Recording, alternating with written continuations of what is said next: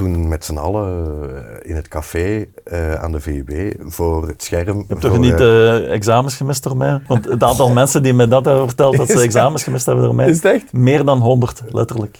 nee, denk ik niet.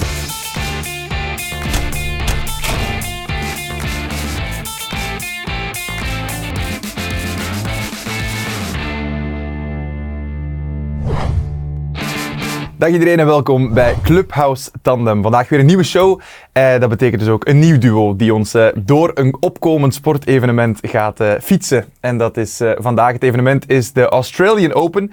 Die is al volop bezig. En aan de ene kant zit iemand die je ongetwijfeld al vaker hebt gehoord als je naar tennis kijkt. Ehm, hij doet dat vanuit zijn zetel, maar zit vandaag gewoon bij ons in de zetel. Merci om hier te zijn. Carlo Wilmots. Ja, gedaan. Welkom. Welkom. Voor de uitnodiging. Ja, heel graag gedaan. Welkom in onze studio. Wat vinden je ervan? Uh, ja, gezellig. Klein, maar uh, gezellig. Klein, maar gezellig. Meer klachten. Meer, meer moet dat niet zijn, meer moet dat niet zijn. Um, naast jou zit er nog iemand, voordat we er dieper op ingaan. Je bent hier niet alleen. Uh, jij zit er bovenop op dit moment, maar hij heeft er ooit zelf middenin gezeten. Uh, ooit stond hij op de nummer 39 op de ATP-ranglijst. Ik heb mijn research gedaan. En is de tweede mannelijke Belg ooit die in de halve finale stond van een Grand Slam toernooi. In Roland Garros was dat. Straf Palmares. Ik ben heel blij dat je erbij bent. Philippe de Wulf, welkom. Dank voor de uitnodiging. Ja, heel graag gedaan. Het is tof. Twee, twee mannen met ervaring op de zetel. Hoe goed kennen jullie elkaar? Uh, ja, we zijn elkaar wel eens tegengekomen, maar zoveel kom ik niet buiten, want het is vaak vanuit de studio. Ja. En ter plekke, dat is zeer beperkt. Ja. Dus uh, Ja. wel een paar keer Roland Garros gedaan. En, uh, Ik heb hem al meer gehoord dan dat ik hem gezien heb, Ja. zal ik zo zeggen. dat snap ik, dat snap ik. Kijk, daar brengen we vandaag, of daar eh, brengen we vandaag verandering in. Ehm, nu, je, je, je becommentarieert op dit moment de Australian Open. Dat Ja. betekent, veronderstel ik, weinig slaap. weinig slaap. Ja. je, je hebt vannacht ook, is het elke nacht? Het is, eh, ja, ik, ik vraag meestal de nachtshiften, want ik ben ook wel een nachtmens eerder dan een ochtendmens. En bij de Australian Open, ja, dat begint om één uur s'nachts en dat gaat door tot in de namiddag. Dus vraag ik meestal wel, geef mij de nachtshift en dan blijf ik in dat ritme. Ja. En dan is dat ja, tot de ochtend, dat hangt ervan af. De eerste dag was het meteen van 2 tot 9 commentaar geven. Ik had twee matchen en dat waren toevallig twee lange matchen. Dus ja, dan eh kruip je laat uw bed in. hè. ja. Maar daar heb je geen problemen mee, jouw bioritme kan dat aan. Eh, ja, ja. Ja. Ook zonder die tennis durf ik wel eens laat opblijven Ja. en lang slapen, omdat ik meestal in de voormiddag toch niks te doen heb. Ja. Dus eh, Tot je wordt uitgenodigd voor een podcast, dan moet je hier dat ineens... is zo eh, eh, weinig geslapen. ja, maar een paar uurtjes. Maar goed, af Ja. en toe moet je eens je eigen forceren. Hè.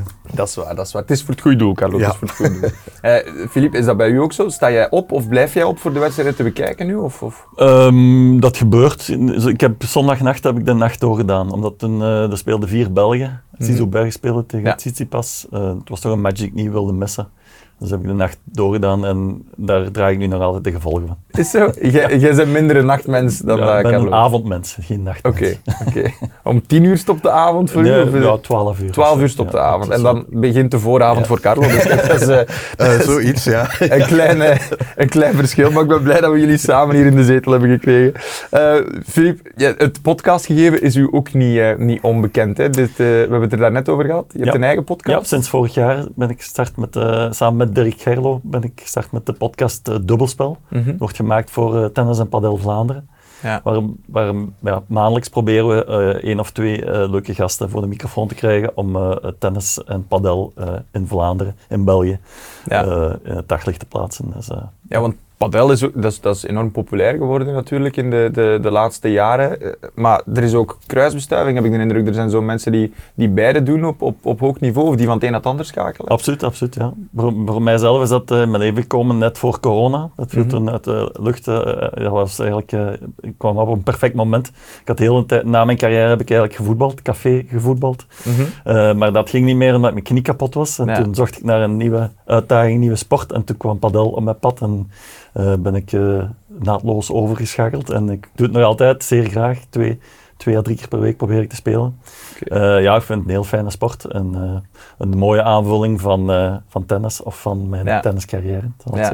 Ja, snap ik. Want je tenniscarrière, we hebben het er net al even over gehad.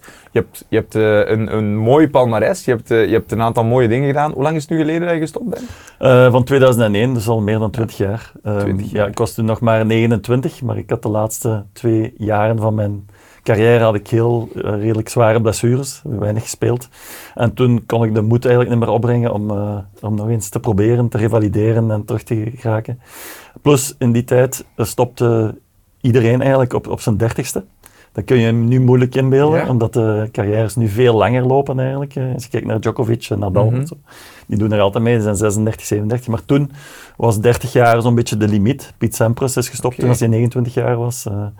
Dus ja, dat was gewoon, ja, dat, dat duurde minder lang een carrière. Dat duurde 10, 12 jaar. En nu is dat eh, helemaal eh, iets anders natuurlijk, omdat eh, ja, de voorbereiding is anders, de levenshygiëne is anders, Ja. de discipline is anders. Dat is allemaal heel hard geëvolueerd, veel professioneler geworden. Mensen zijn veel meer be- bezig met hun, bewust bezig met hun lichaam, blessure, eh, behandelingen of blessurepreventie.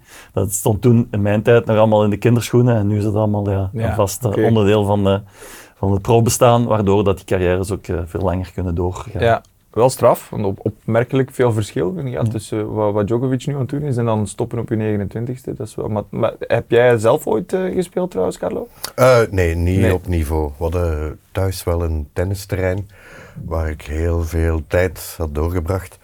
Maar eh, nee, nooit. ik was eigenlijk eerder een voetballer dan, Ja. Dan een tennisser. Oké, Dus- en die passie voor jou, is, dat is later in je leven gekomen of was die passie er altijd Nee, ik al? heb gewoon zelf altijd niet? eh, vroeger, toen ik klein was, altijd naar tennis gekeken. En dan ja, uiteindelijk in de sport beland als commentator. Ja. En eerst was het voetbal, maar eigenlijk vrij snel is er tennis bijgekomen. Omdat ja, ze vroegen toen iemand die geïnteresseerd was. Ik heb maar mijn hand opgestoken. En sindsdien, ja, dat is al meer dan twintig jaar. Dus eh, zit ik erin. En eh, dus op, via Eurosport, eh, ja, ik heb al alle Grand Slams eh, een keer of twintig gedaan. Dus eh, ja, helaas te weinig ter plaatse. Eén keer New York geweest. Wel een paar keer eh, Roland Garros, omdat dat in Parijs was, wat vroeger ook de hoofdzetel was van Eurosport. Maar de Australian Open in Melbourne, nooit, nooit. geweest, helaas. Ja, dat, is moe- dat is moeilijk, hè. budgetair is dat... Ja, het is natuurlijk heel ver en ja, ik ken de beelden, maar ik heb dan toch iets meer gevoel bij de US Open als ik commentaar geef, Ja. omdat ik weet hoe het daaruit Ja, ja. ziet. dat snap Al ik. is er al ondertussen veel veranderd. Maar Melbourne, ja, daar, eh, hij weet het wel, want Ja. Het is heel leuk, Carlo. Ik kan het alleen maar aanraden. De laatste keer dat ik er geweest ben was 2019, denk ik. En toen was het eh, eigenlijk heel het Melbourne Park was al in complete meta- metamorfose. Want ik heb het ja, begin jaren 90 gekend, Mhm. toen eigenlijk nog een amateuristisch toernooitje was. Het was toen duidelijk de, de vierde in de rangorde van alle Grand Slam toernooien, omdat het ja, het was zo ver. Ehm, voor veel spelers was het eh, ja, eh, financieel gewoon nog een, een, een te zware brok om, om dat risico te nemen om naar Australië te reizen Ja. en daar dan ja, niet heel veel geld te verdienen in die tijd toen nog.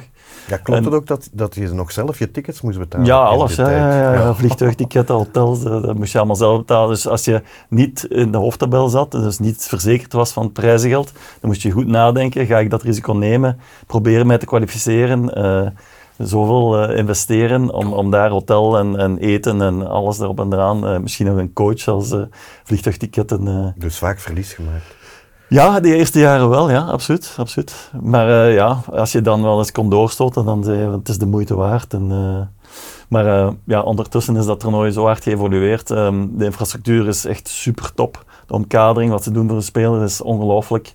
En ehm, ja, ze betalen nu ook al de vliegtuigtickets voor de spelers. Die krijgen ongeveer 3000 euro om naar, om, naar- om naar daar te vliegen. Ja. Plus dan is er ook al prijzengeld in de kwalificaties. Dus eh, ja, het toernooi is enorm geëvolueerd. En het is nu voor mij misschien wel het beste Grand Slam toernooi. Wimbledon heeft natuurlijk nog veel meer aura en, Ja. en uitstraling. Maar Australian Open is qua accommodatie en qua sfeer en omkadering is, is, is het beste. Het is ook het grootste toernooi geworden. Hè. Ik denk dat er vorig jaar bijna 900.000 toeschouwers waren. Zullen dit jaar voor 1 miljoen toeschouwers gaan. dus het is echt wel enorm, enorm. En dat is dan de, de keerzijde van de medaille, dat het een beetje van zijn charme heeft verloren. Want vroeger, in de begin ja. jaren 90, was dat het toernooi van de backpackers ook. Er kwamen er allemaal veel Nederlandse supporters kwamen daar aan. Er waren dan backpackers die door het land trokken en dan hadden ingepland om tijdens de Australian Open naar de Nederlandse spelers te gaan kijken. En die zorgden ook voor een bepaalde sfeer. Ja. Wat nu natuurlijk, ja, dat is allemaal wat commercie- commerciëler geworden, wat professioneler. Ja. En dat, ja, die ziel is er een beetje uit, als ik dat mag zeggen. Mhm. Maar langs de andere kant, ja, als je zoveel ja, toeschouwers kan naar het tennis kan brengen, dan ben je wel met iets ook- goed bezig. Ja, ja, ja, het zal wel. Het zal wel. Ja, want, want je zei het al sfeer. Ik, ik heb het gevoel, als ik zo de, de sfeer in de Australian Open bekijk, dat het daar zo wat losser en wat uitbundiger is dan, dan op andere toernooien. Is dat zo? Of, of ligt er aan mij? Ja, maar eh, zoals ik al zei, het is een beetje van vroeger gegroeid. En als die, die, die toeristen vaak Ja. eh, naar het toernooi kwamen. Eh, plus je hebt ook het gegeven dat je vaak van een koude plek, Europa of Amerika, naar de zon gaat, naar de Australische zomer. Plus het is het begin van het seizoen. Ja. Veel spelers zijn eager, ze, zijn- ze hebben honger om eraan te beginnen. Wat zorgt dat de sfeer op, eh, onder de spelers ook al wat gemoedelijker is. Iedereen is blij om elkaar terug te zien. Eh, dat maakt dat toernooi, ja, ze noemen dat de happy slam. En dat is ook omdat ja, de spelers zich goed voelen daar. En, en dat, straalt zich, dat straalt dan af op, op toeschouwers op het hele toernooi eigenlijk. Ja. Ja, maar je hebt ook, sommigen bereiden zich eigenlijk niet voor of geen voorbereidingstoernooien. Anderen willen dan veel spelen. Wat is het beste daarin? Ik denk jij? dat dat zeer persoonlijk is. Hè. Ehm, ik denk dat het toch wel eh, noodzakelijk is om, ah nee, voor mij persoonlijk, om, om, daar ter plaatse te zijn. Eh, je hebt het uurverschil, je hebt eh, de hitte die kan Mm. toeslaan, eh, je hebt de ondergrond. Ehm, ik zou dat wel eh, aanraden om daar een paar weken op voorhand te zijn en, en gewoon te worden aan de, aan de hele omkadering. Ik heb nu al gezien, ja, veel spelers gaan wel naar het buitenland tijdens de winter om niet in het koude Europa te moeten zitten. Die gaan trainen in Amerika of, of, of Zuid-Amerika. Ehm, nu heb ik gezien dat er spelers, ook Europeanen, al naar Australië gaan om daar te trainen. Die zijn daar van half december om zich nog beter te kunnen aanpassen aan de omstandigheden. Ja. Dus dat evolueert constant. En jij ook vaak nieuwjaar gevierd in... Heel vaak, heel vaak. Australië. Ook als tennisser, maar daarna ook als journalist. eh, Dat we toen we in de goede tijden nog Kim Kleisters en Justine Heijn mochten volgen, dan waren we daar van eind december tot begin februari. Maar- Dat waren mooie tijden. Ja, dat kan ik mij wel inbeelden. Dat eh, lijkt mij ook heel, heel plezant. Nu, dat is, dat is op hardcore, hardcourt gespeeld. Ehm, had jij zelf een voorkeur? Ja, ik was meer in ofwel trage ondergrond of een snelle ondergrond, maar daartussenin, dus het hardcore, niet. Niet. Daar kon ik niet, niet op spelen. Dat was niet je ding. Nee, nee, dat was niet mijn favoriete ondergrond. Maar ik heb het Australian Open nog gespeeld op eh, Rebound Ace. Eh, ik weet niet of dat iets zegt, maar dat is ja, een rubberlaag, maar die redelijk verend was. Mhm. Eh, dus wel aangenaam om op te lopen, maar die had als nadeel dat als het echt warm was, dat het een beetje begon te Ah, smelten eigenlijk. En dat, nee, dat, ja, smelten is veel gezegd, maar dat wordt eh, kleverig, waardoor dat je veel enkelverzwikkingen had, omdat je ja, iets meer bleef hangen aan de ondergrond. Maar sinds denk, de eeuwwisseling zijn die wel veranderd naar Dicoturf, denk ik. Een beetje zoals de US Open. En sindsdien is dat probleem wel opgelost. Ja, want jouw gloriemoment was natuurlijk op, op gravel, op, Ja. op eh, Roland Garros. Heb jij dat moment meegemaakt? Eh, ja, zeker. Nog niet als commentator. Ik was nog student toen. En eh, ja, toen met z'n allen in het café eh, aan de VUB voor het scherm. En Je hebt toch niet eh, examens gemist door mij? Want het aantal mensen die me dat hebben verteld dat ze examens gemist hebben door mij, Is het echt? meer dan 100, letterlijk. Maar goed. Eh, nee, denk ik niet. Eh, dat had meer met EK's en student. WK's voetbal te maken. Ja, dat was meestal nog net ervoor en hadden nog tijd eh, om, om te gaan studeren. Ja, tof. Hey, dat, dat moet toch een ongelooflijk... Allee, ik wou je vragen, wat is het hoogtepunt uit jouw carrière, maar ik veronderstel... Of, of is er nog iets anders? Ja, zegt mijn, van, mijn persoonlijk hoogtepunt was twee jaar ervoor, in 1995, toen ik het ATP-toernooi van Wenen heb gewonnen. Omdat Ja. ik, heb, ik heb nooit gedroomd als, als kind om proftennis te worden. Ik ben daar een beetje ingerold, omdat ik het talent had. Mhm. Maar ik had nooit gedacht dat ik in de top 100 ging terechtkomen. Nooit gedacht dat ik een toernooi ging winnen. En als je dan een toernooi wint, dat was, dat is voor mij het grootste moment. En dat Ja. was nog tegen Thomas Moester. Tegen zeker? Thomas Moester in de finale, dus de lokale held. Amai. Maar ehm, ja, Roland Garros, dat heb ik meer van, hoe moet je zeggen, van de zijkant beleefd.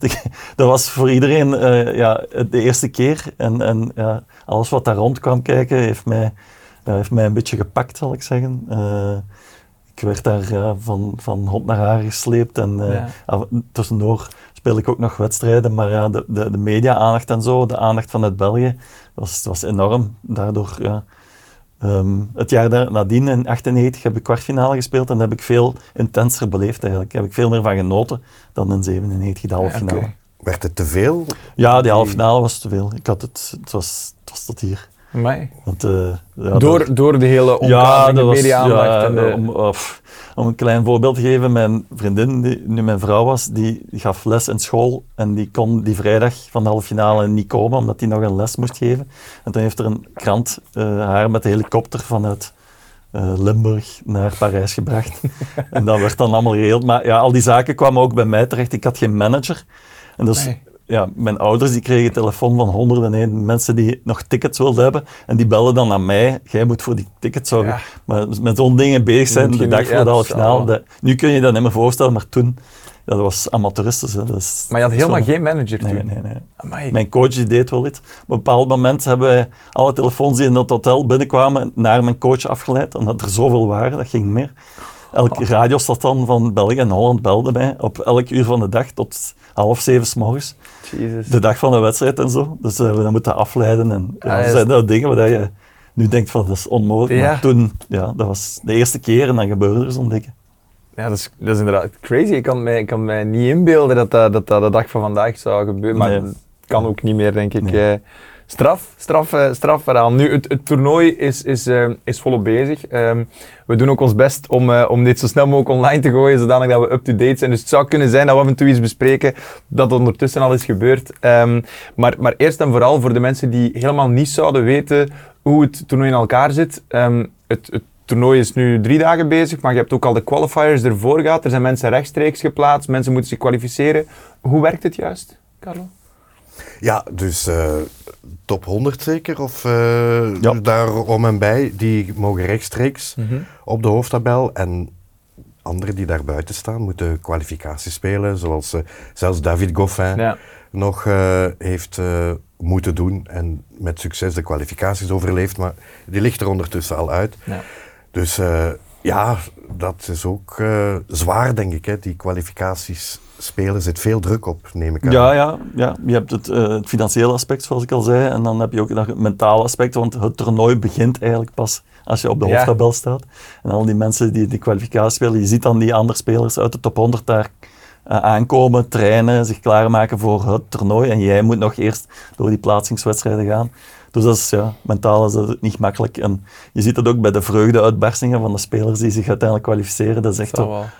Een opluchting eh, dat je daardoor bent geraakt. En, eh, ja, Ja, en soms is het pijnlijk als je het niet haalt, als je er in die derde uitgaat. Ja. Maar het voorbeeld was nu Zizou Bergs, die lag eruit omdat hij ja, moest opgeven in zijn Mhm. kwalificatiewedstrijd. En uiteindelijk, ja, hoeveel tijd ervoor is dat? Is het een dag ervoor of dat kan zelfs soms uren ervoor Ja. zijn? Ja. Je moet je nog klaarhouden. Berrettini valt uit en Zizou Bergs wordt Dat is toch... eruit gepikt en hij mag dan in de Rod Laver Arena gaan spelen tegen Tsitsipas. Waar hij het uitstekend gedaan heeft in de eerste set, maar daarna toch Daarna, fysiek... eh, werd het te moeilijk. Ja. Maar dat moet toch een ongelooflijke rollercoaster geweest zijn op dat moment. Eh, hij had zelfs al op Instagram een post gezet van ja, ik, ik neem hier in tranen afscheid. Het was it's been a fun ride. En dan, dan ineens, ja, op, op een paar uur tijd, ah, je speelt toch. Dat, dat moet toch, hoe gaat het er als speler mee om op dat moment? Eh, ja, zo goed en zo slecht mogelijk proberen mentaal daarop voor te bereiden. Je hebt dan de emoties van die, ja, eh, van die verloren laatste kwalificatiewedstrijd. Bij hem was het dan nog intenser waarschijnlijk, want hij heeft moeten opgeven. Ja. Ehm, ja, dan denk je al, oké, ik moet mijn vliegtuig naar huis terugboeken. Eh, hoe gezien de volgende weken eruit, maar tegelijkertijd in je achterhoofd houden, misschien word ik nog heropgevist. Heel vaak gebeurt dat niet, omdat ja, het is min of meer het eerste toernooi van het jaar, dus de meeste spelers zijn nog fit. Ja. Je hebt niet zo heel veel geblesseerde spelers, nog niet. Maar ja, kijk, hij was de derde in de, in de rangorde van, eh, van spelers die konden lucky loser worden. Mhm. Dus ja, dat is ook nog, ja, er moesten er al eh, twee voor hem, eh, ah, er moesten drie spelers eigenlijk zich, zich terugtrekken. En dat is gebeurd deze keer, dat, is, dat gebeurt niet heel vaak.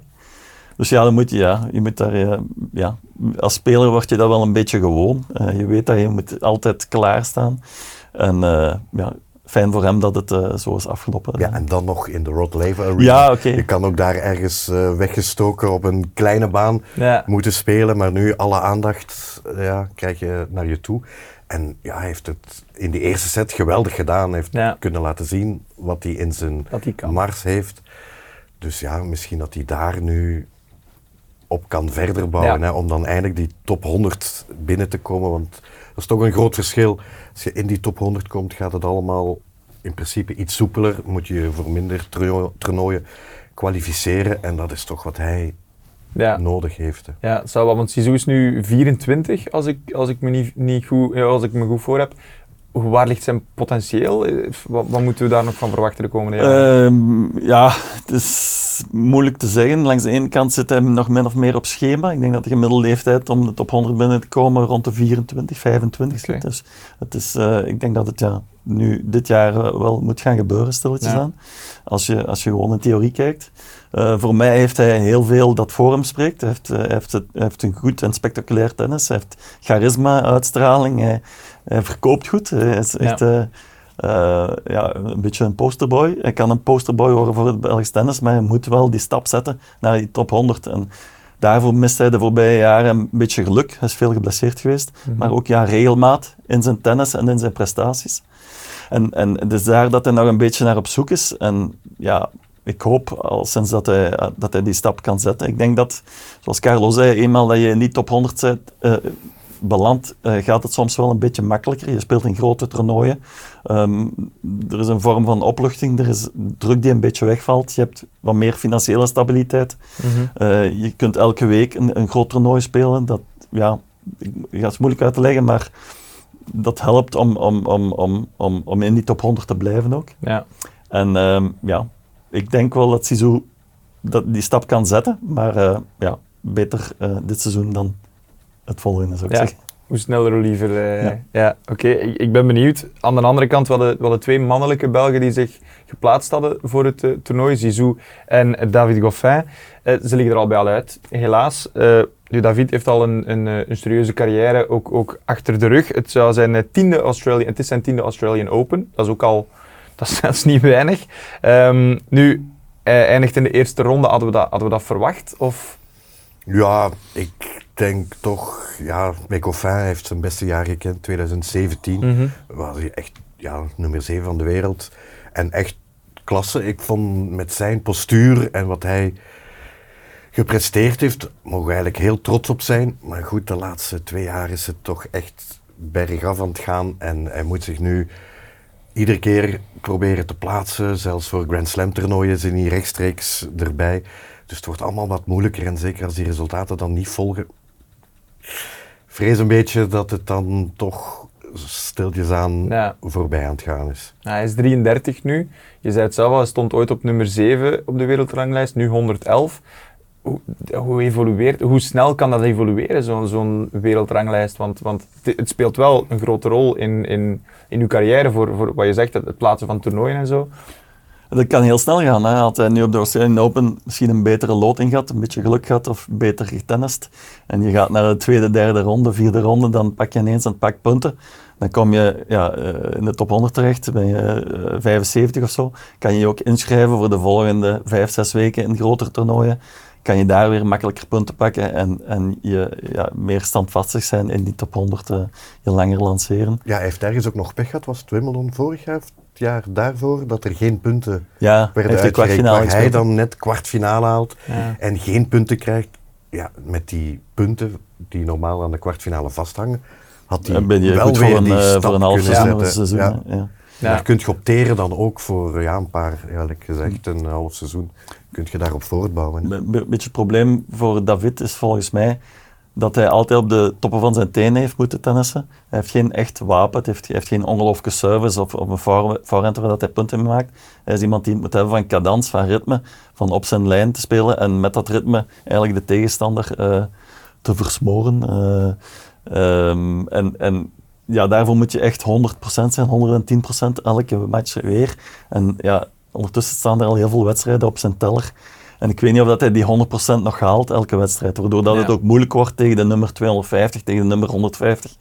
En daardoor ja, wint hij niet meer voldoende matchen om die regelmaat te brengen en, en in die top 100 te geraken.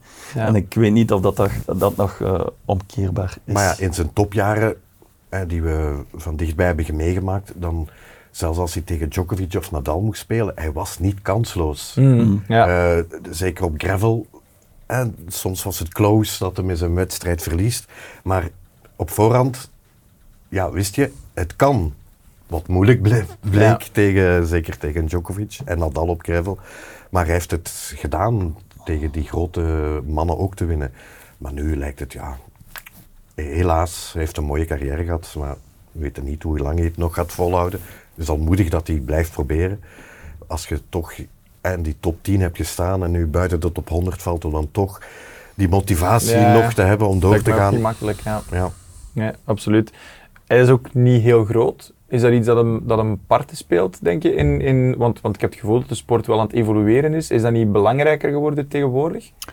Ehm, dat is zeker een evolutie de laatste jaren, dat, dat het allemaal krachtiger is en dat er eh, spelers zijn die een enorm goede service hebben en dat zeker kunnen inzetten als wapen. Maar langs de andere kant heb je toch nog altijd spelers die eerder frele eh, lijken en, en, en toch goed hun streng trekken. Yannick Sinner is wel groter, maar is nu ook geen beer, Ja. zal ik zeggen. Ehm, Lorenzo Musetti, ook nog een Italiaan die in top 20 staat, ook geen, eigenlijk eerder een fijnere speler die het moet hebben van een techniek. En, en, dus ik denk dat er altijd nog wel plaats is voor ehm, jongens met talent eh, en, en die het kunnen opnemen tegen, tegen de krachtpatsers. Ehm, Ja. Ik denk dat dat nog, ja, daar is zeker nog plaats voor. Ja. ik van overtuigd. Ja. Ja, ja. Nu voor, voor David is het nu misschien een beetje moeilijk. Sabine Appelmans zei, zei onlangs nog dat zijn carrière wordt onderschat. Wat hij allemaal heeft, heeft bereikt en gedaan. Vinden jullie dat ook? Of vinden jullie dat hij dat die wel...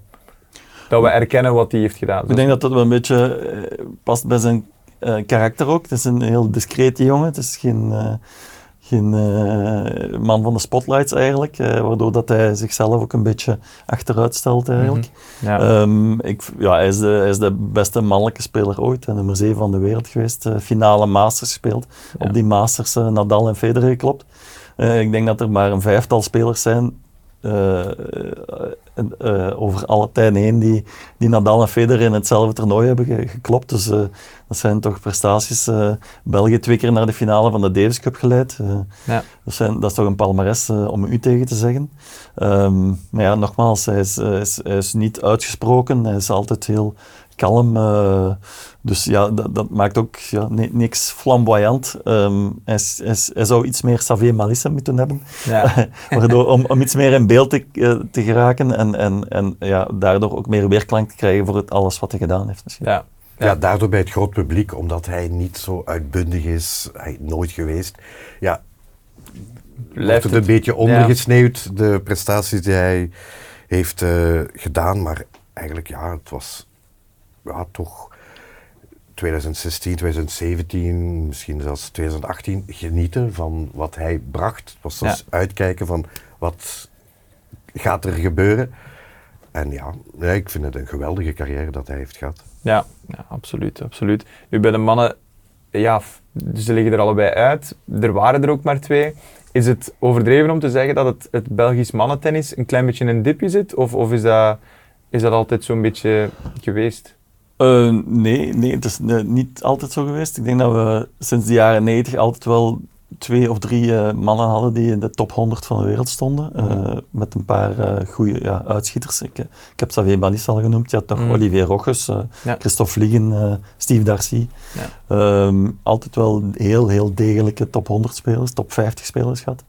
Eh, maar nu ja, de laatste jaren met het wegvallen van Goffin, die heeft eh, lang veel verdoezeld. Ehm, ja, de generaties daarna, dan heb ik het over Kimmer Koppenjans, Joris de Loren. Ehm, dat soort jongens, die hebben niet echt die aansluiting kunnen brengen, zijn er bijna. Kimmer Koppenjans heeft even in de top 100 gestaan. Eh, Joris de Loren heeft veel blessures gehad. Eh, er zijn nog wel een paar mensen. Maar ja, het is zo dat ja, Belgische mannentennis zou nu terug opnieuw een, beetje een locomotief moeten krijgen. Daarvoor dat ik hoop op uh, Zizou Bergs. Ja. Omdat die het charisma heeft om, om de zaken te trekken. Ja. Eh, maar ja, daar, daarom nogmaals moet hij die stap zetten naar de top 100.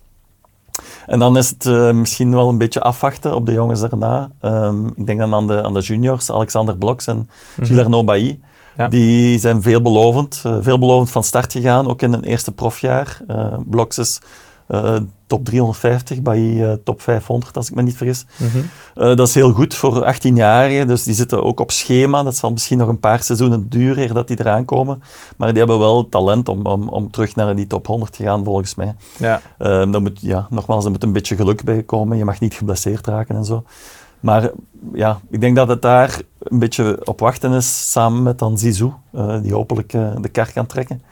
Uh, maar op dit moment zelf is het ja, een beetje een impasse waar ja. de Belgische mannen tennis ja. zit. Ja. Maar we hebben ook nog vrouwen natuurlijk. Hè, die, want we zijn hier alleen maar over mannen. Zeer zeker, dat komt, uh, dus, dat uh, komt er straks zeker ook nog aan. Ah, okay. maar, nee, nee, nee, maar, maar, maar nee, nee, natuurlijk. Laat, laat u gaan. Ja, we want... hebben er toch een paar in de top 100. Hm. Wikmaier die, die terug is. Uh, Greet Minne, die ook wel net verloren heeft.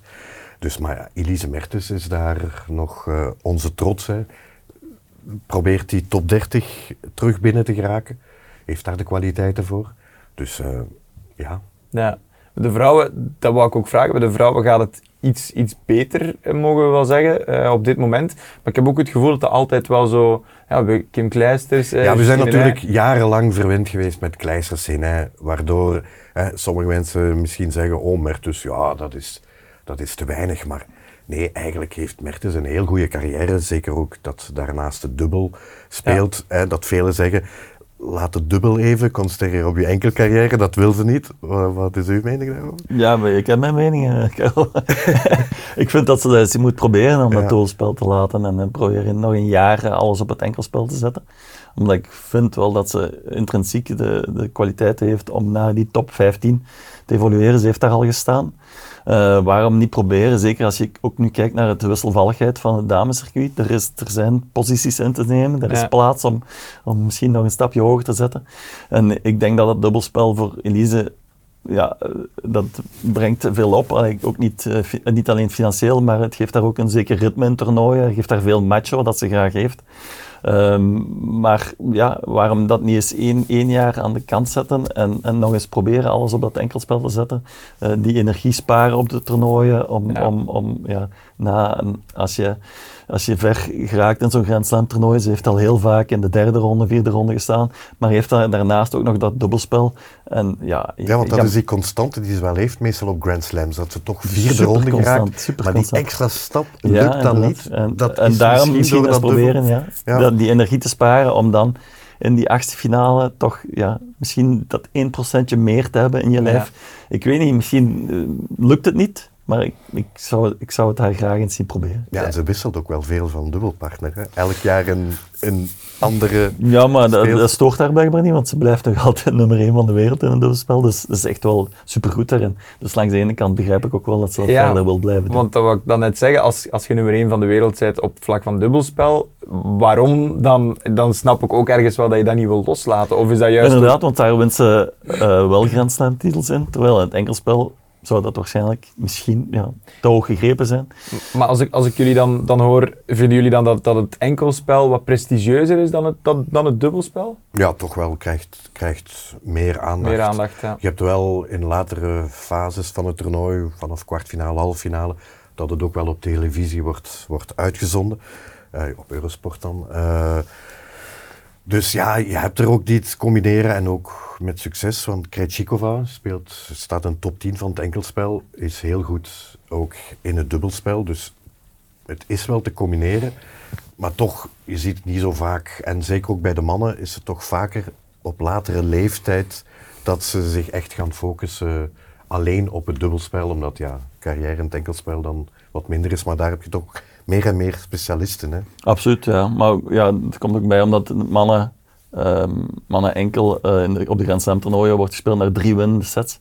En als je dat dan nog zou moeten combineren met dubbelspel, dan wordt het echt wel heel veel. Ja. Dus daarom dat het ook meer een specialisten uh, discipline is eigenlijk geworden. Ja, snap ik. Maar ik denk dat elke beginnende prof uh, eerst en vooral wil doorbreken als enkelspeler. En als hij dan ziet dat dat te hoog gegrepen is of te moeilijk is, dat hij vaak dan uh, afgeleid wordt naar het, uh, naar het dubbelspel. Omdat hij daar ook nog heel goed je boterham mee kan verdienen. De wereld rondreizen, heel mooi toernooien spelen, Grand Slam titels winnen. Als je goed bent. Dus, uh, ja. ja, we hebben een vrij goed dubbelduo bij de mannen, gilet en vliegen. Mhm. Mm -hmm. Al zijn ze er wel al uitgegaan Ja, in de eerste ronde. Ja. Dus uh, ja. ja, dat is ook knokken voor die mannen. Hè, om Zo bij die top te horen. Ja, ze staan nu 25ste in de wereld, wat heel goed is, heel knap. Ja. Maar ik denk dat ze ja, toch graag naar die Masters zouden willen gaan. Dat zijn de best, beste acht eh, duo's die op het einde van het jaar een kampioenschap spelen. Ja, vorig jaar hebben ze tot het einde meegedaan Ja, en dan ja, net stonden, niet. ze, stonden Ja. ze in de top 10. Maar zijn ze net niet bij de beste acht geraakt. Ik denk dat dat toch wel een doel is. En ja, als je dan de eerste ronde van de Australian Open verliest, is dat wel een domper. Ja, Natuurlijk. ja, dat zal wel. Ja, tuurlijk. En nu, om even terug bij de vrouwen te blijven, eh, Janina Wikmaier, hè, die ligt er ondertussen ook al uit. Wat mogen we van, van haar nog, nog verwachten in de toekomst? Want dat is toch ook wel iemand die, die lang op dat hoge niveau heeft gestaan, nu nog steeds. Is daar ook, eh, zoals bij David Goffin, is dat een beetje hetzelfde, is daar een beetje hetzelfde aan het gebeuren? Of, Ja, of is ze dat is wel ondertussen moeder geworden natuurlijk, maar ah, ik vond het knap dat ze vorig jaar, ik heb nog een wedstrijd van haar gedaan, maar gewoon, ja, ze heeft altijd die fighting spirit gehad en ja, ik vind het dat ze toch nog vrij snel terug die top 100 Ja. is binnengeraakt. Ik vind het eh, bijna wonderbaarlijk, zou ik zeggen, hoe dat zij haar comeback heeft eh, gedaan. Ehm, ja, van nul begonnen. Hè. Ze heeft nergens wildcards gekregen. Ze is echt op de heel kleinste toernooien begonnen. En op anderhalf jaar tijd zat ze terug in de top 70 van de wereld. Eh, op, op je 34ste, Ja. als mama. Eh, zonder eh, heel veel hulp eh, van eh, budgetten of grote sponsors of zo. Ehm, nee, ik vind dat een geweldig knappe prestatie. Ja. Nu, hoe, hoe ver dat dan nog kan eh, evolueren, dat, dat is moeilijk te zeggen. Ehm, maar ik vind wel persoonlijk dat ze als tennister ook geëvolueerd is. Dat ze, dat ze een betere tennisspeelster is geworden dan voor haar zwangerschap. Ehm, ja, er zit veel meer overleg in haar tennis. Vroeger was ze nogal een soort eh, Sharapova, moet ik zeggen, een hardhitster, die voor de rest weinig eh, bagage had. Maar dat is heel hard ja, veranderd, vind ik. Ze, ze denkt nu veel meer na over tactiek. Eh, ze komt veel meer naar het net. Ehm, ja, er, ligt, er zit veel meer, meer overleg in haar tennis. En dat maakt dat, dat ze veel gevaarlijker is geworden en, en ja, een betere speelster. Waardoor dat, ja, er misschien nog wat marge op zit, dat ze misschien wel terug naar die top 50 kan gaan. Ja. En ja, dat na een afwezigheid van twee jaar en als mama nogmaals, eh, vind ik eh, een heel mooi perspectief. Ja, het is mooi dat ze die honger terug heeft en terug dat gevoel. Misschien is het soms goed van even afstand te nemen, het is allemaal te veel geworden. En dan na twee jaar denk je, oké, ik heb er zin in zelfs om weer, inderdaad, zoals je zei, van nul te beginnen. Je moet het, je moet het maar doen om dan ergens weer eh, in het buitenland een heel klein toernooi te spelen. Maar die resultaten volgden snel. Tuurlijk geeft dat extra vertrouwen. En ja, zoals ze nu speelt, ondanks nu een snelle nederlaag, dan, ja, dan is ze zeker top 50 nog waard. En dat, Ja. dat- ik vind dat eigenlijk ook een geweldige prestatie. Sommige mensen kijken alleen maar naar, ja, als je niet in de top 10 staat, is het niet goed. Maar als je in nummer 50 van de wereld bent, eigenlijk is dat nog eh. Ja, ik denk, dat, ik denk dat het inderdaad ook een ding is wat je, wat je daarnet zei. We zijn zo verwend geweest met, met kleisters en ei dat we, dat we zo heel snel niet meer, dat we het niet meer genoeg vinden of zo. Terwijl het is daarom dat ik het tof vind om, om dat zelf ook nog eens te horen. Van ja, dat is eigenlijk wel waar. En inderdaad, want daar staat dan niet bij stil, die is mama geworden. Want ik heb, ik heb Janina nog gezien op de Maas Singer. Dat, ik weet niet of dat je dat... Daar heb ik, dus, en dat, dat was dat voor mij zo van, ah ja, dat is juist, ja, maar en, en dan was dat ook zo'n heel ding. Dus je voelt, het is heel leuk om te zien dat iemand afstand neemt van de sport en, en dan terugkomt en met die honger. En die, de, dat is inderdaad heel straf. Dus het is goed dat dat nog eens benoemd wordt. Mag nog Ja, en eh, dat, dat opzicht, eh, wat Kim en Justine hebben gedaan voor Belgisch tennis is natuurlijk eh, onmeetbaar en ongelooflijk. Ze hebben zo, voor zo'n boost gezorgd, maar tegelijkertijd is het een beetje een vergiftig geschenk voor iedereen die daarna Ja. is gekomen. Omdat dat ja, minder waarde krijgt ten opzichte van hun palmarès. Terwijl ja, als je nu ziet, in de wereld, al, zeker top 250 van de wereld, dat zijn allemaal super, super goede tennissers. Dat is echt ongelooflijk. De concurrentie is zo, zo zwaar geworden. Eh, over heel de wereld zijn ze nu aan het tennissen. In mijn tijd was het nog beperkt tot Europa, Amerika, een paar Australiërs. Maar nu, er komen zelfs Afrikanen aan, die nu die worden opgepikt. Er worden, er worden tennisscholen worden daar geïmplanteerd en daar worden dan talentjes uitgehaald. Die komen naar Europa en die zijn van jongs af aan trainen die in Europa. Dus als dat continent er ook nog eens bij komt, gaat die concurrentie nog veel groter worden. Ja.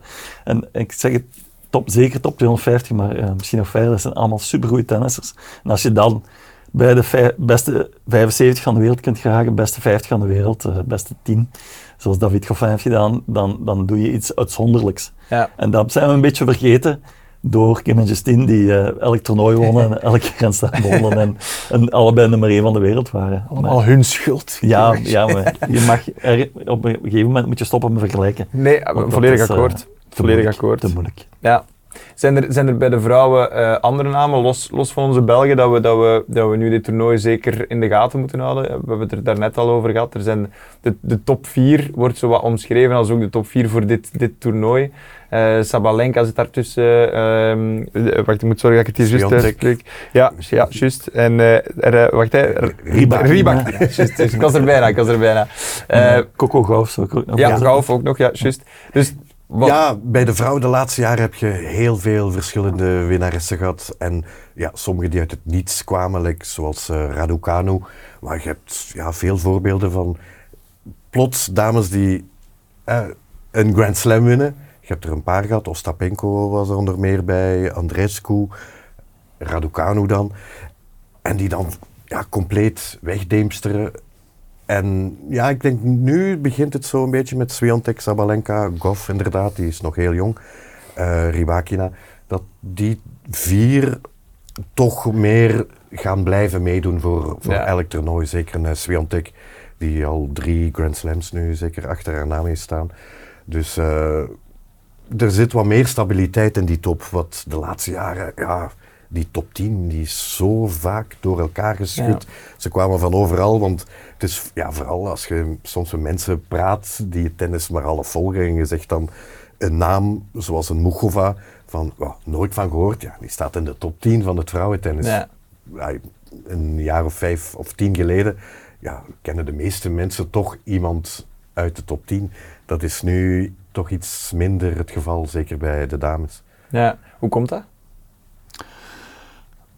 Dat is een goede vraag. Goeie vraag, hè? Je wordt er allebei niet op voorbereid. Want jij kijkt onmiddellijk naar? Philippe en doe maar Philippe. Nee, maar ik denk dat ja, de vorige generaties had je altijd wel eh, topspeelsters die ja, er bovenuit staken. Hè. Ik denk aan Serena Williams, ik denk Ja. aan onze Belgen, Maria Sharapova. Ehm, en, en daarna is er ja, een, een, een, een dipje geweest in die hiërarchievorming, eh, waardoor dat er heel veel eh, verschillende speelsters in die top, hon- eh, top 10 zijn terechtgekomen, eh Grand Slam titels hebben gewonnen. Ehm, Ja, de regelmaat was Ja. Ja, ook weg ja. bij Ja, dat is wel toppers. logisch waardoor- eigenlijk als dat dan... Waardoor ja. zo speelsters die heel wat lager staan, niet geclasseerd, toch een, eh, een Grand Slam konden winnen. Ja, dat was vroeger eigenlijk ondenkbaar dat je vanuit het niets plots eh, op het hoogste toneel verschijnt. Ash Barty, die Ja. was eigenlijk een speelster die had kunnen domineren, maar ja, die stopt dan ineens. Oké. Ja. Dus En hetzelfde verhaal met Naomi Osaka eigenlijk. ja, Vier Grand Slam titels, eh, ook nummer 1 van de wereld. Dan ook haar mentale problemen gehad en daardoor weggezakt. Ook eh, ondertussen mama geworden en teruggekeerd. Maar ja, dat, dat was ook een speelster die misschien ja, eh, ook qua uitstraling ehm, ja, aan die top had eh, kunnen staan en blijven staan en het circuit een beetje domineren en een gezicht geven. Wat het, eh, ja, nu, eh, waaraan het nu een beetje ontbreekt. eh. Ja. Maar Ja. met die vier Je hebt ook wel Coco Gauff inderdaad, die is nog heel jong. Die heeft nu haar eerste Grand Slam gewonnen. Maar die, ja, dat is, is ze al twintig? Ik Denk het niet. Ik Denk, Ja, of ja, misschien ja, net 20 daar rond. Maar die gaat al jaren mee. Maar die heeft Ja. zo, ja, iedere keer stap per stap, ieder jaar een beetje beter geworden. Eh, Ik vergelijk het eigenlijk een beetje met Jannik Sinner, die ook al een hele tijd meedraait, maar elke half jaar eigenlijk die extra stap kan zetten. Ja. En Sinner leunt nu ook heel dicht aan bij de top van het mannentennis. Hè. Zeker wat hij eind vorig jaar heeft gepresteerd. Dus ja, allee, er zijn nog eh, ja. toppers in, in die Ja. eraan komen. Ja, Naomi Osaka had je net al, al genoemd. Zij, zij doet ook mee, als ik het goed voor heb. Ze heeft verloren gisteren tegen Caroline. Garcia. Ja, oké, dat wou ik even checken. Want, want ja, er is toch ook heel wat, wat... Ze is heel lang afwezig geweest. Is die comeback nog realistisch? Of, of, of is dat nu... Ja, ja, ja, zeer realistisch, hè, want ze was heel goed. Hè. Ja. Want ze heeft verloren tegen Caroline Garcia, wat ook een heel goede speelster was. Die dan nog eens, ook nog eens een van haar beste wedstrijden van de laatste Ja. jaren speelde. Ja, moeilijke loting was het. Hè, om Ja, ja, ja, dus- terug te komen en dan Garcia tegenkrijgen. Want ja, die kan soms afwezig zijn, maar ze was op Was niet, afspraak. ja. Omdat, ja, Maar Osaka heeft nog zeker tennis, dat, dat, dat komt in orde, dat zie je nu al. Ze ja. mist nog een beetje wedstrijdritme, ze mist nog een beetje misschien de fysieke 100% paraatheid. Eh, je mag dat niet onderschatten, hè. mama worden, eh, een, ja, negen maanden afwezig geweest, denk ik, of een jaar afwezig geweest. Eh, maar dat, dat komt in orde. Dat, dat zag je nu al, je zag nu al flitsen terug van de oude Osaka. En ja, met de coach, haar coach Wim Fisset gaat zij hard werken. En ik ben er zeker van dat zij eind van het jaar terug in de top 10 van de wereld staat. Ja, momenteel, ik had even opgezocht, staat zij op 100 831ste plaats. Dat is toch een gigantisch groot verschil. Ja, maar dat is logisch als je... Als je lang niet speelt, tijd dan stopt, valt je- onmiddellijk weg. valt die ranking eigenlijk ja. weg. Maar zij heeft dan ook wel de reputatie, was Ja. topspeler, dus die gaat vaak een wildcard krijgen voor het toernooi, waardoor Ja. ze snel, Snel terug die punten kan pakken. scoren. En eh, dat, dat maakt het natuurlijk voor zulke toppers iets makkelijker om eh, meteen terug uw plaats in te nemen. Ja, ja, ja. Wie is bij de vrouwen de grootste kanshebber voor dit toernooi? Je dat, is Ja. dat, kun je dat zeggen? Of is dat, want het is wat je zegt, alles is ook loting, het is ook, er komt heel veel bij kijken. Ehm, heb je, of, of heb je een paar namen dat je denkt van, Ja, Of ja, blijft dat bij de top vier dat we hebben net die, hadden Die vier namen, die Swiatek vind ik heel goed. En Zabalenka, ja, ik, ze is wel verbeterd vorig jaar. Maar daarvoor, ja, dat was soms van, kom aan meisje. Dat was meppen op die bal. Al ging die 10 meter uit, die bleef maar meppen zonder eens even te zeggen van oké, nu ga ik wat rustiger, wat minder risico nemen. Nee, dat was bam, bam, bam. En dan kon ze soms ja, wedstrijden verliezen met, met eh, 6-2, 6-1. Vorig jaar heeft ze denk ik toch wel die stap gezet. En vandaar is ze zeker, eh, ze heeft nu haar eerste wedstrijd ook eh, vrij vlot gewonnen. Dus als ze zich goed voelt, dan krijg je het beste tennis te zien. Ja. Maar ze, ze kan precies toch die vorm iets langer doortrekken dan, Ja, dan Ze slaat twee natuurlijk jaar ook, zo hard dat je als tegenstander nimmer tot tennissen toekomt eigenlijk. Ah, ja, Ik heb met eigen ogen gezien, slaat echt enorm hard. en, en dat gaat zo snel, en dus als tegenstrever kan je alleen maar reageren. Je kan zelf geen, bijna geen actie meer ondernemen. En dat is een beetje het probleem als je tegen Sabalenka speelt. En zoals Carlo zei, als ze met vertrouwen staat te spelen en, en, en je zo bombardeert, dan is, het, is er weinig tegen te doen. Ze is ook de titelverdedigster op de Australian Open. Ze voelt zich daar in haar sas. Dus ik denk dat ze misschien wel een streepje voor heeft. Zeker als het warm is, hè, als de ballen wat sneller door de lucht Mhm. vliegen, dan gaat zij, kan zij van die snelheid proberen, eh, profiteren om nog ja, haar eruit te halen en, en, en de- nog, het spel nog sneller te maken, nog moeilijker voor de tegenstander. Ja, Dus misschien neig ik een beetje naar Sabalenka. ja. Ja, ik heb ook wel een boontje voor Ribakina. Eh, ja, die was nog aan het spelen, dus eh, ik weet niet met het tijdsverschil. Heeft Ze uiteindelijk gewonnen, want ik heb de tiebreak nog gezien van de eerste set, waar ze drie setpunten tegen kreeg, maar uiteindelijk toch het nog heeft gehaald. Eh, blijkbaar heeft ze de wedstrijd gewonnen. Dus ja, ik zou die niet afschrijven, alhoewel die soms mentaal misschien ook wat moeilijker heeft. Ik heb dus één wedstrijd gezien, haar coach lijkt me zo vermoeiend, want we hebben zo'n toernooi gedaan waar haar coach, waar de micro erop stond, en die was elk punt maar aan het roepen en vaak hetzelfde aan het zeggen. Ik zou zeggen van, hou nu eens even Ja. uw mond, maar blijkbaar heeft zij dat nodig om... Zij is super stoïcijns. Hè. Ja, Zij laat niks merken. Ook als ze Wimbledon had gewonnen, is ze amper haar eh, hand opgestoken eigenlijk. dus, dus ik kan wel begrijpen dat dat marcheert met zo'n coach, zo'n Ja. eh, hyper, eh, hyper, hypercoach, ja. die daar heel veel energie en vuur Dat in te juist voor de zit. balans, ja. ja. En Ribakina, eh, om terug te komen, heeft trouwens het toernooi van Adelaide of Brisbane, Brisbane gewonnen. Finale tegen Sabalenka. ja. 6-0, 6-3. Dus Ribakina is ook een kans hebt. Ja. Het kan alle kanten op. Ik hoor het, eh, Nee, ik hoor het maar al. ik denk dat die vier er wel een beetje bovenuit steken. En dan heb je nog wat outsiders. Eh, Ostapenko is ook eh, Die Goed is spelen. ook goed bezig. Ja, nu, super en is gevaarlijk terug als, top 10, dacht ik. ja, Net top het, 10. ja. Mhm. Dus ja, die heeft al eens een Grand Slam gewonnen, waarna ze is teruggezakt. Maar beetje bij beetje, alhoewel bij Ostapenko heb ik soms ook datzelfde gevoel als bij Zabalenka. Die kan mappen. En als het een, dag is, ja, dan komt alles goed. En soms is het een dag niet en dan is het in plaats van net in, net uit. En ja, dus... Ja, die bij moet echt wel zeven goede dagen hebben Ja, op een Grand Slam toernooi. Ja. Sabalenka kan er een beetje bijsturen, ja, maar Ostapenko niet. ja. Ik ben, eh, ik ben benieuwd. Ik ga het sowieso op de voet volgen. We hebben het, we hebben het nu gehad over, over de vrouwen. Ik, nog een naam opgezocht. Ik weet niet of dat je er al van gehoord hebt. Novak Djokovic of zoiets.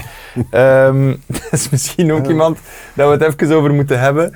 Eh, 36 jaar. Hij kan zijn elfde Australian Open winnen, als ik het, het goed voor heb. Dat is, dat is ongelooflijk. Dat is het meeste... Ah, dus hij heeft nu al... Ja, en vooral zijn 25ste Grand Slam, wat Ja. het absolute record dan is.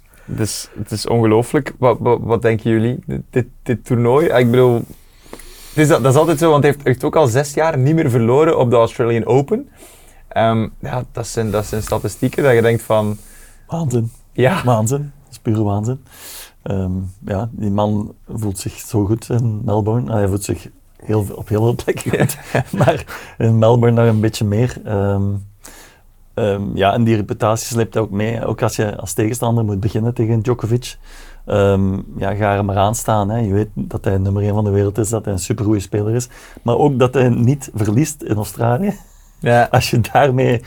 Ja, je krijgt dat mee in je hoofd, hè, voordat je eraan begint. En dan denk, je je dat, dat, denk je dat dat negatief is als tegenstander? Of, of geeft hem dat juist ook zo een extra, extra target op, op zijn rug of zo? Dat iedereen zegt van, hij is de man om, als, als, als jij degene bent die Djokovic kan verslaan op de Australian Open, dan weet je ook dat, dat elke krant daarover gaat schrijven of zo. Denkt u niet dat dat, toch is- extra, dat is extra zo, maar er zijn heel weinig mensen die daarin slagen. Ja, dat is een andere zaak. Maar eh, zoals nu op de Australian Open, die, de jongen in de eerste ronde, Dino Prismic, een heel goede speler trouwens, 18 jaar, een Kroaat. Die heeft een set gepakt van, eh, van Djokovic. Ja. En dat is dan wereldnieuws, hè? Ja. omdat er een tegenstander een set kan winnen van Djokovic. Zover zijn we gekomen. Ja, en ook, eh, ja, hij heeft hem vier uur aan Ja. de praat gehouden, wat ook al knap is voor Ja. zo'n jonge kerel. In een eerste ronde tegen eh, Novak Djokovic. Maar ja, Djokovic, ja, iedere keer vindt hij toch een weg. Als zijn lichaam het toelaat, want hij had wat Maar hij hij problemen. heeft, hij heeft vaak wel... Ja. hij is- ik denk dat hij dat zelf graag heeft, dat er zo wat tegenkanting is. dat hij een zoekt dat beetje underdog wordt, wat heel moeilijk is voor hem. Maar ja, Djokovic is zo iemand die op die belangrijke momenten, ook belangrijke momenten in een set vaak, die hij weet te pakken van, ja, van je tegenstander nooit hoop geven, altijd net op dat moment tandje bij. Hij weet, die momenten zijn belangrijk en hij pakt die vaak. Ja. En dat is, dat is zo zijn sterkte. van- Ervaring ook, hè. Ja, is- Hij gaat, al, hij gaat beter spelen op de belangrijke momenten of even goed. Eh, hij gaat niet minder worden. ja. En dat Ja. is ja, ook als tegenstever nog, nogmaals zeer zwaar om mee om te gaan. Vermoeiend. lijkt Ja, mij maar dat, vorig jaar eh, de Masters zeker, waar hij in de groepsfase verliest van Yannick Sinner. Uiteindelijk komen ze elkaar tegen in de finale. En wat doet Djokovic? Oké, geen tweede keer man. En Sinner heeft geen kans gehad in die match. Heeft ook te maken met, ja, Sinner had in dat toernooi al veel moeten presteren. En dan nog die stap zetten in de finale, dat was net te veel voor hem. Djokovic heeft daar nooit last mee. Die, die, hoe moeilijk het toernooi ook vordert, hij kan iedere wedstrijd opnieuw dat brengen. Wa- Waar dan voor die jongere garde het toch wat moeilijker wordt van... eh, kijk nu naar een Dimitrov bijvoorbeeld, dat is ook zo'n kerel die geweldig kan tennissen. En dan ja, op zo'n Grand Slam toernooi heeft nog maar één keer halve finale gespeeld. Dat was eh, in Australië. Eh, 2017 was net het moment dat hij Brisbane won. Eh haalde hij halve finale in Australië. Hij heeft nu dit jaar ook Brisbane gewonnen.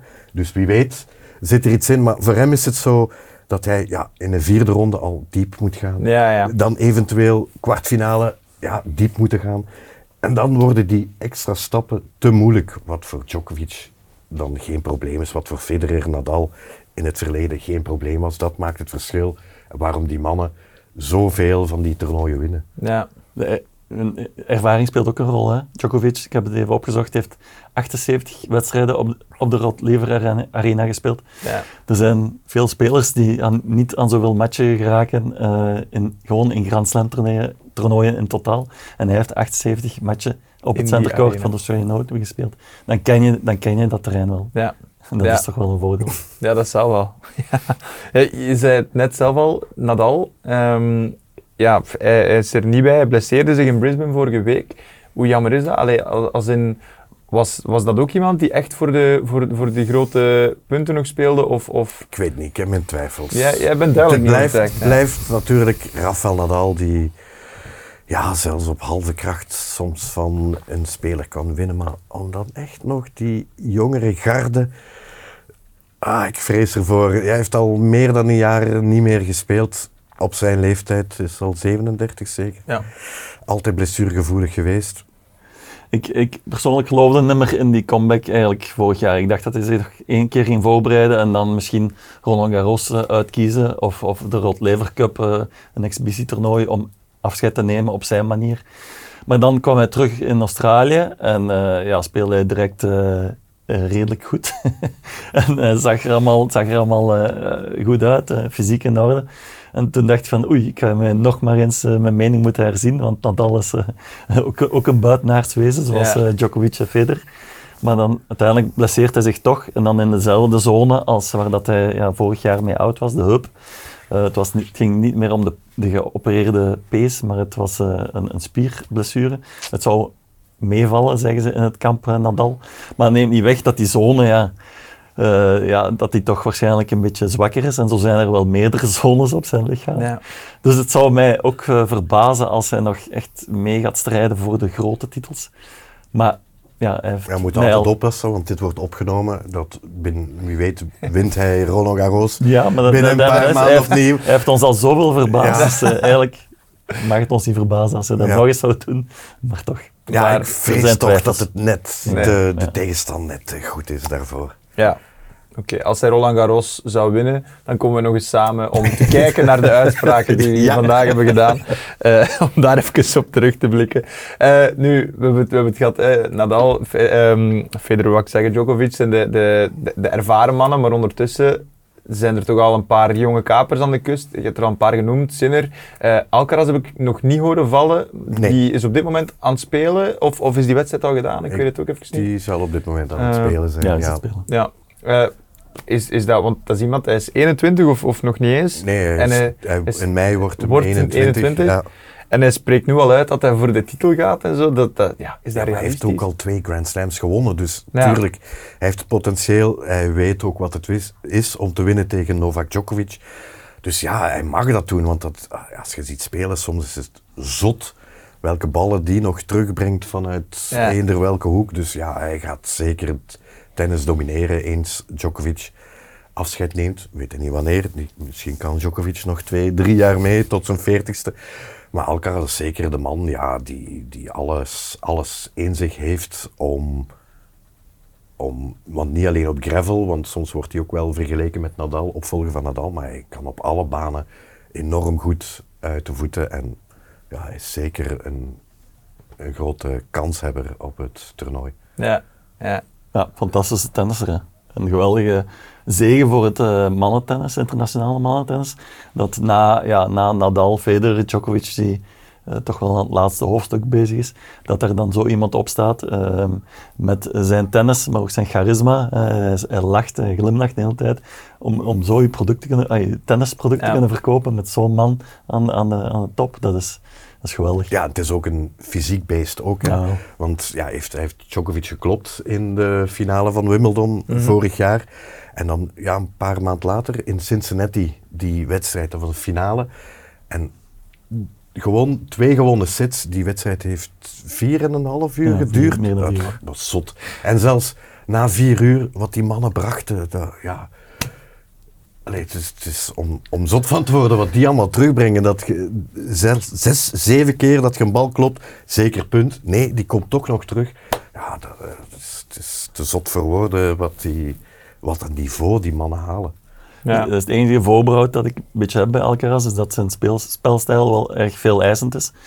In der tijd hebben ze dat ook van Nadal gezegd, en die is ondertussen 36 en doet nog altijd mee. Maar toch, ehm, ja, Alcaraz is ook iemand die heel ja, diep durft gaan in zijn wedstrijden, dropshotjes. eh, hij, hij verkoopt eh, een beetje show erbij. Ja. Eh, hij, speelt graag tennis, dat toont hij ook op de baan. Maar dat, ja, dat, dat vraagt veel energie. Hij heeft vorig jaar al een beetje last gehad met blessures. Dat is toch erg vroeg om daarmee te beginnen. En dan heb je nog de andere kant, ehm, de, de, ik moet zeggen, de omkaderende kant van tennis. Hij heeft ook al de exhibitietoernooien ontdekt. dat is het, hè. Hij heeft in Saudi-Arabië Saudi-Arabië gespeeld voor het seizoen. En de dag daarna speelde hij in Murcia, zijn thuisstad. Dus eh, ja, ook nog eens op en af vliegen. Dat dat zijn is- allemaal dat- zaken die, die energie eh, Ja, dat begrijp ik soms niet, want Nee, ja, voor het geld moeten ze het eigenlijk niet doen. ja. Het seizoen is lang, ze klagen soms, ja, elf maanden. Het, het seizoen eindigt eind november. Mhm. Dus dan denk je, ja, je hebt maar een, eigenlijk wanneer rustig, want je moet je ook al voorbereiden, want eind december al, begin januari, begint het nieuwe seizoen. En dan toch gaan ze daartussenin nog toernooien spelen. Dat is menselijk, ik Karel, dat is menselijk. Echt? Ja, die, die krijgen zo'n grote getallen aangeboden dat het Ja. decadent zou zijn om die niet te aanvaarden. Maar dan is de ding, wanneer heb je genoeg? Ja, maar, dat- die, Maar doe het, doe het, nog, doe het dan nog voor, voor de centen? Of, of, ja, of- maar die, dat gaat over zo'n grote bedragen. Ja. Dat, dat het moeilijk, moeilijk, heel moeilijk is om nee te zeggen. En daar is het ook een heel team rond van managers. En die, ja, ja, dan, en die dan ook, moeten eh, een- ja.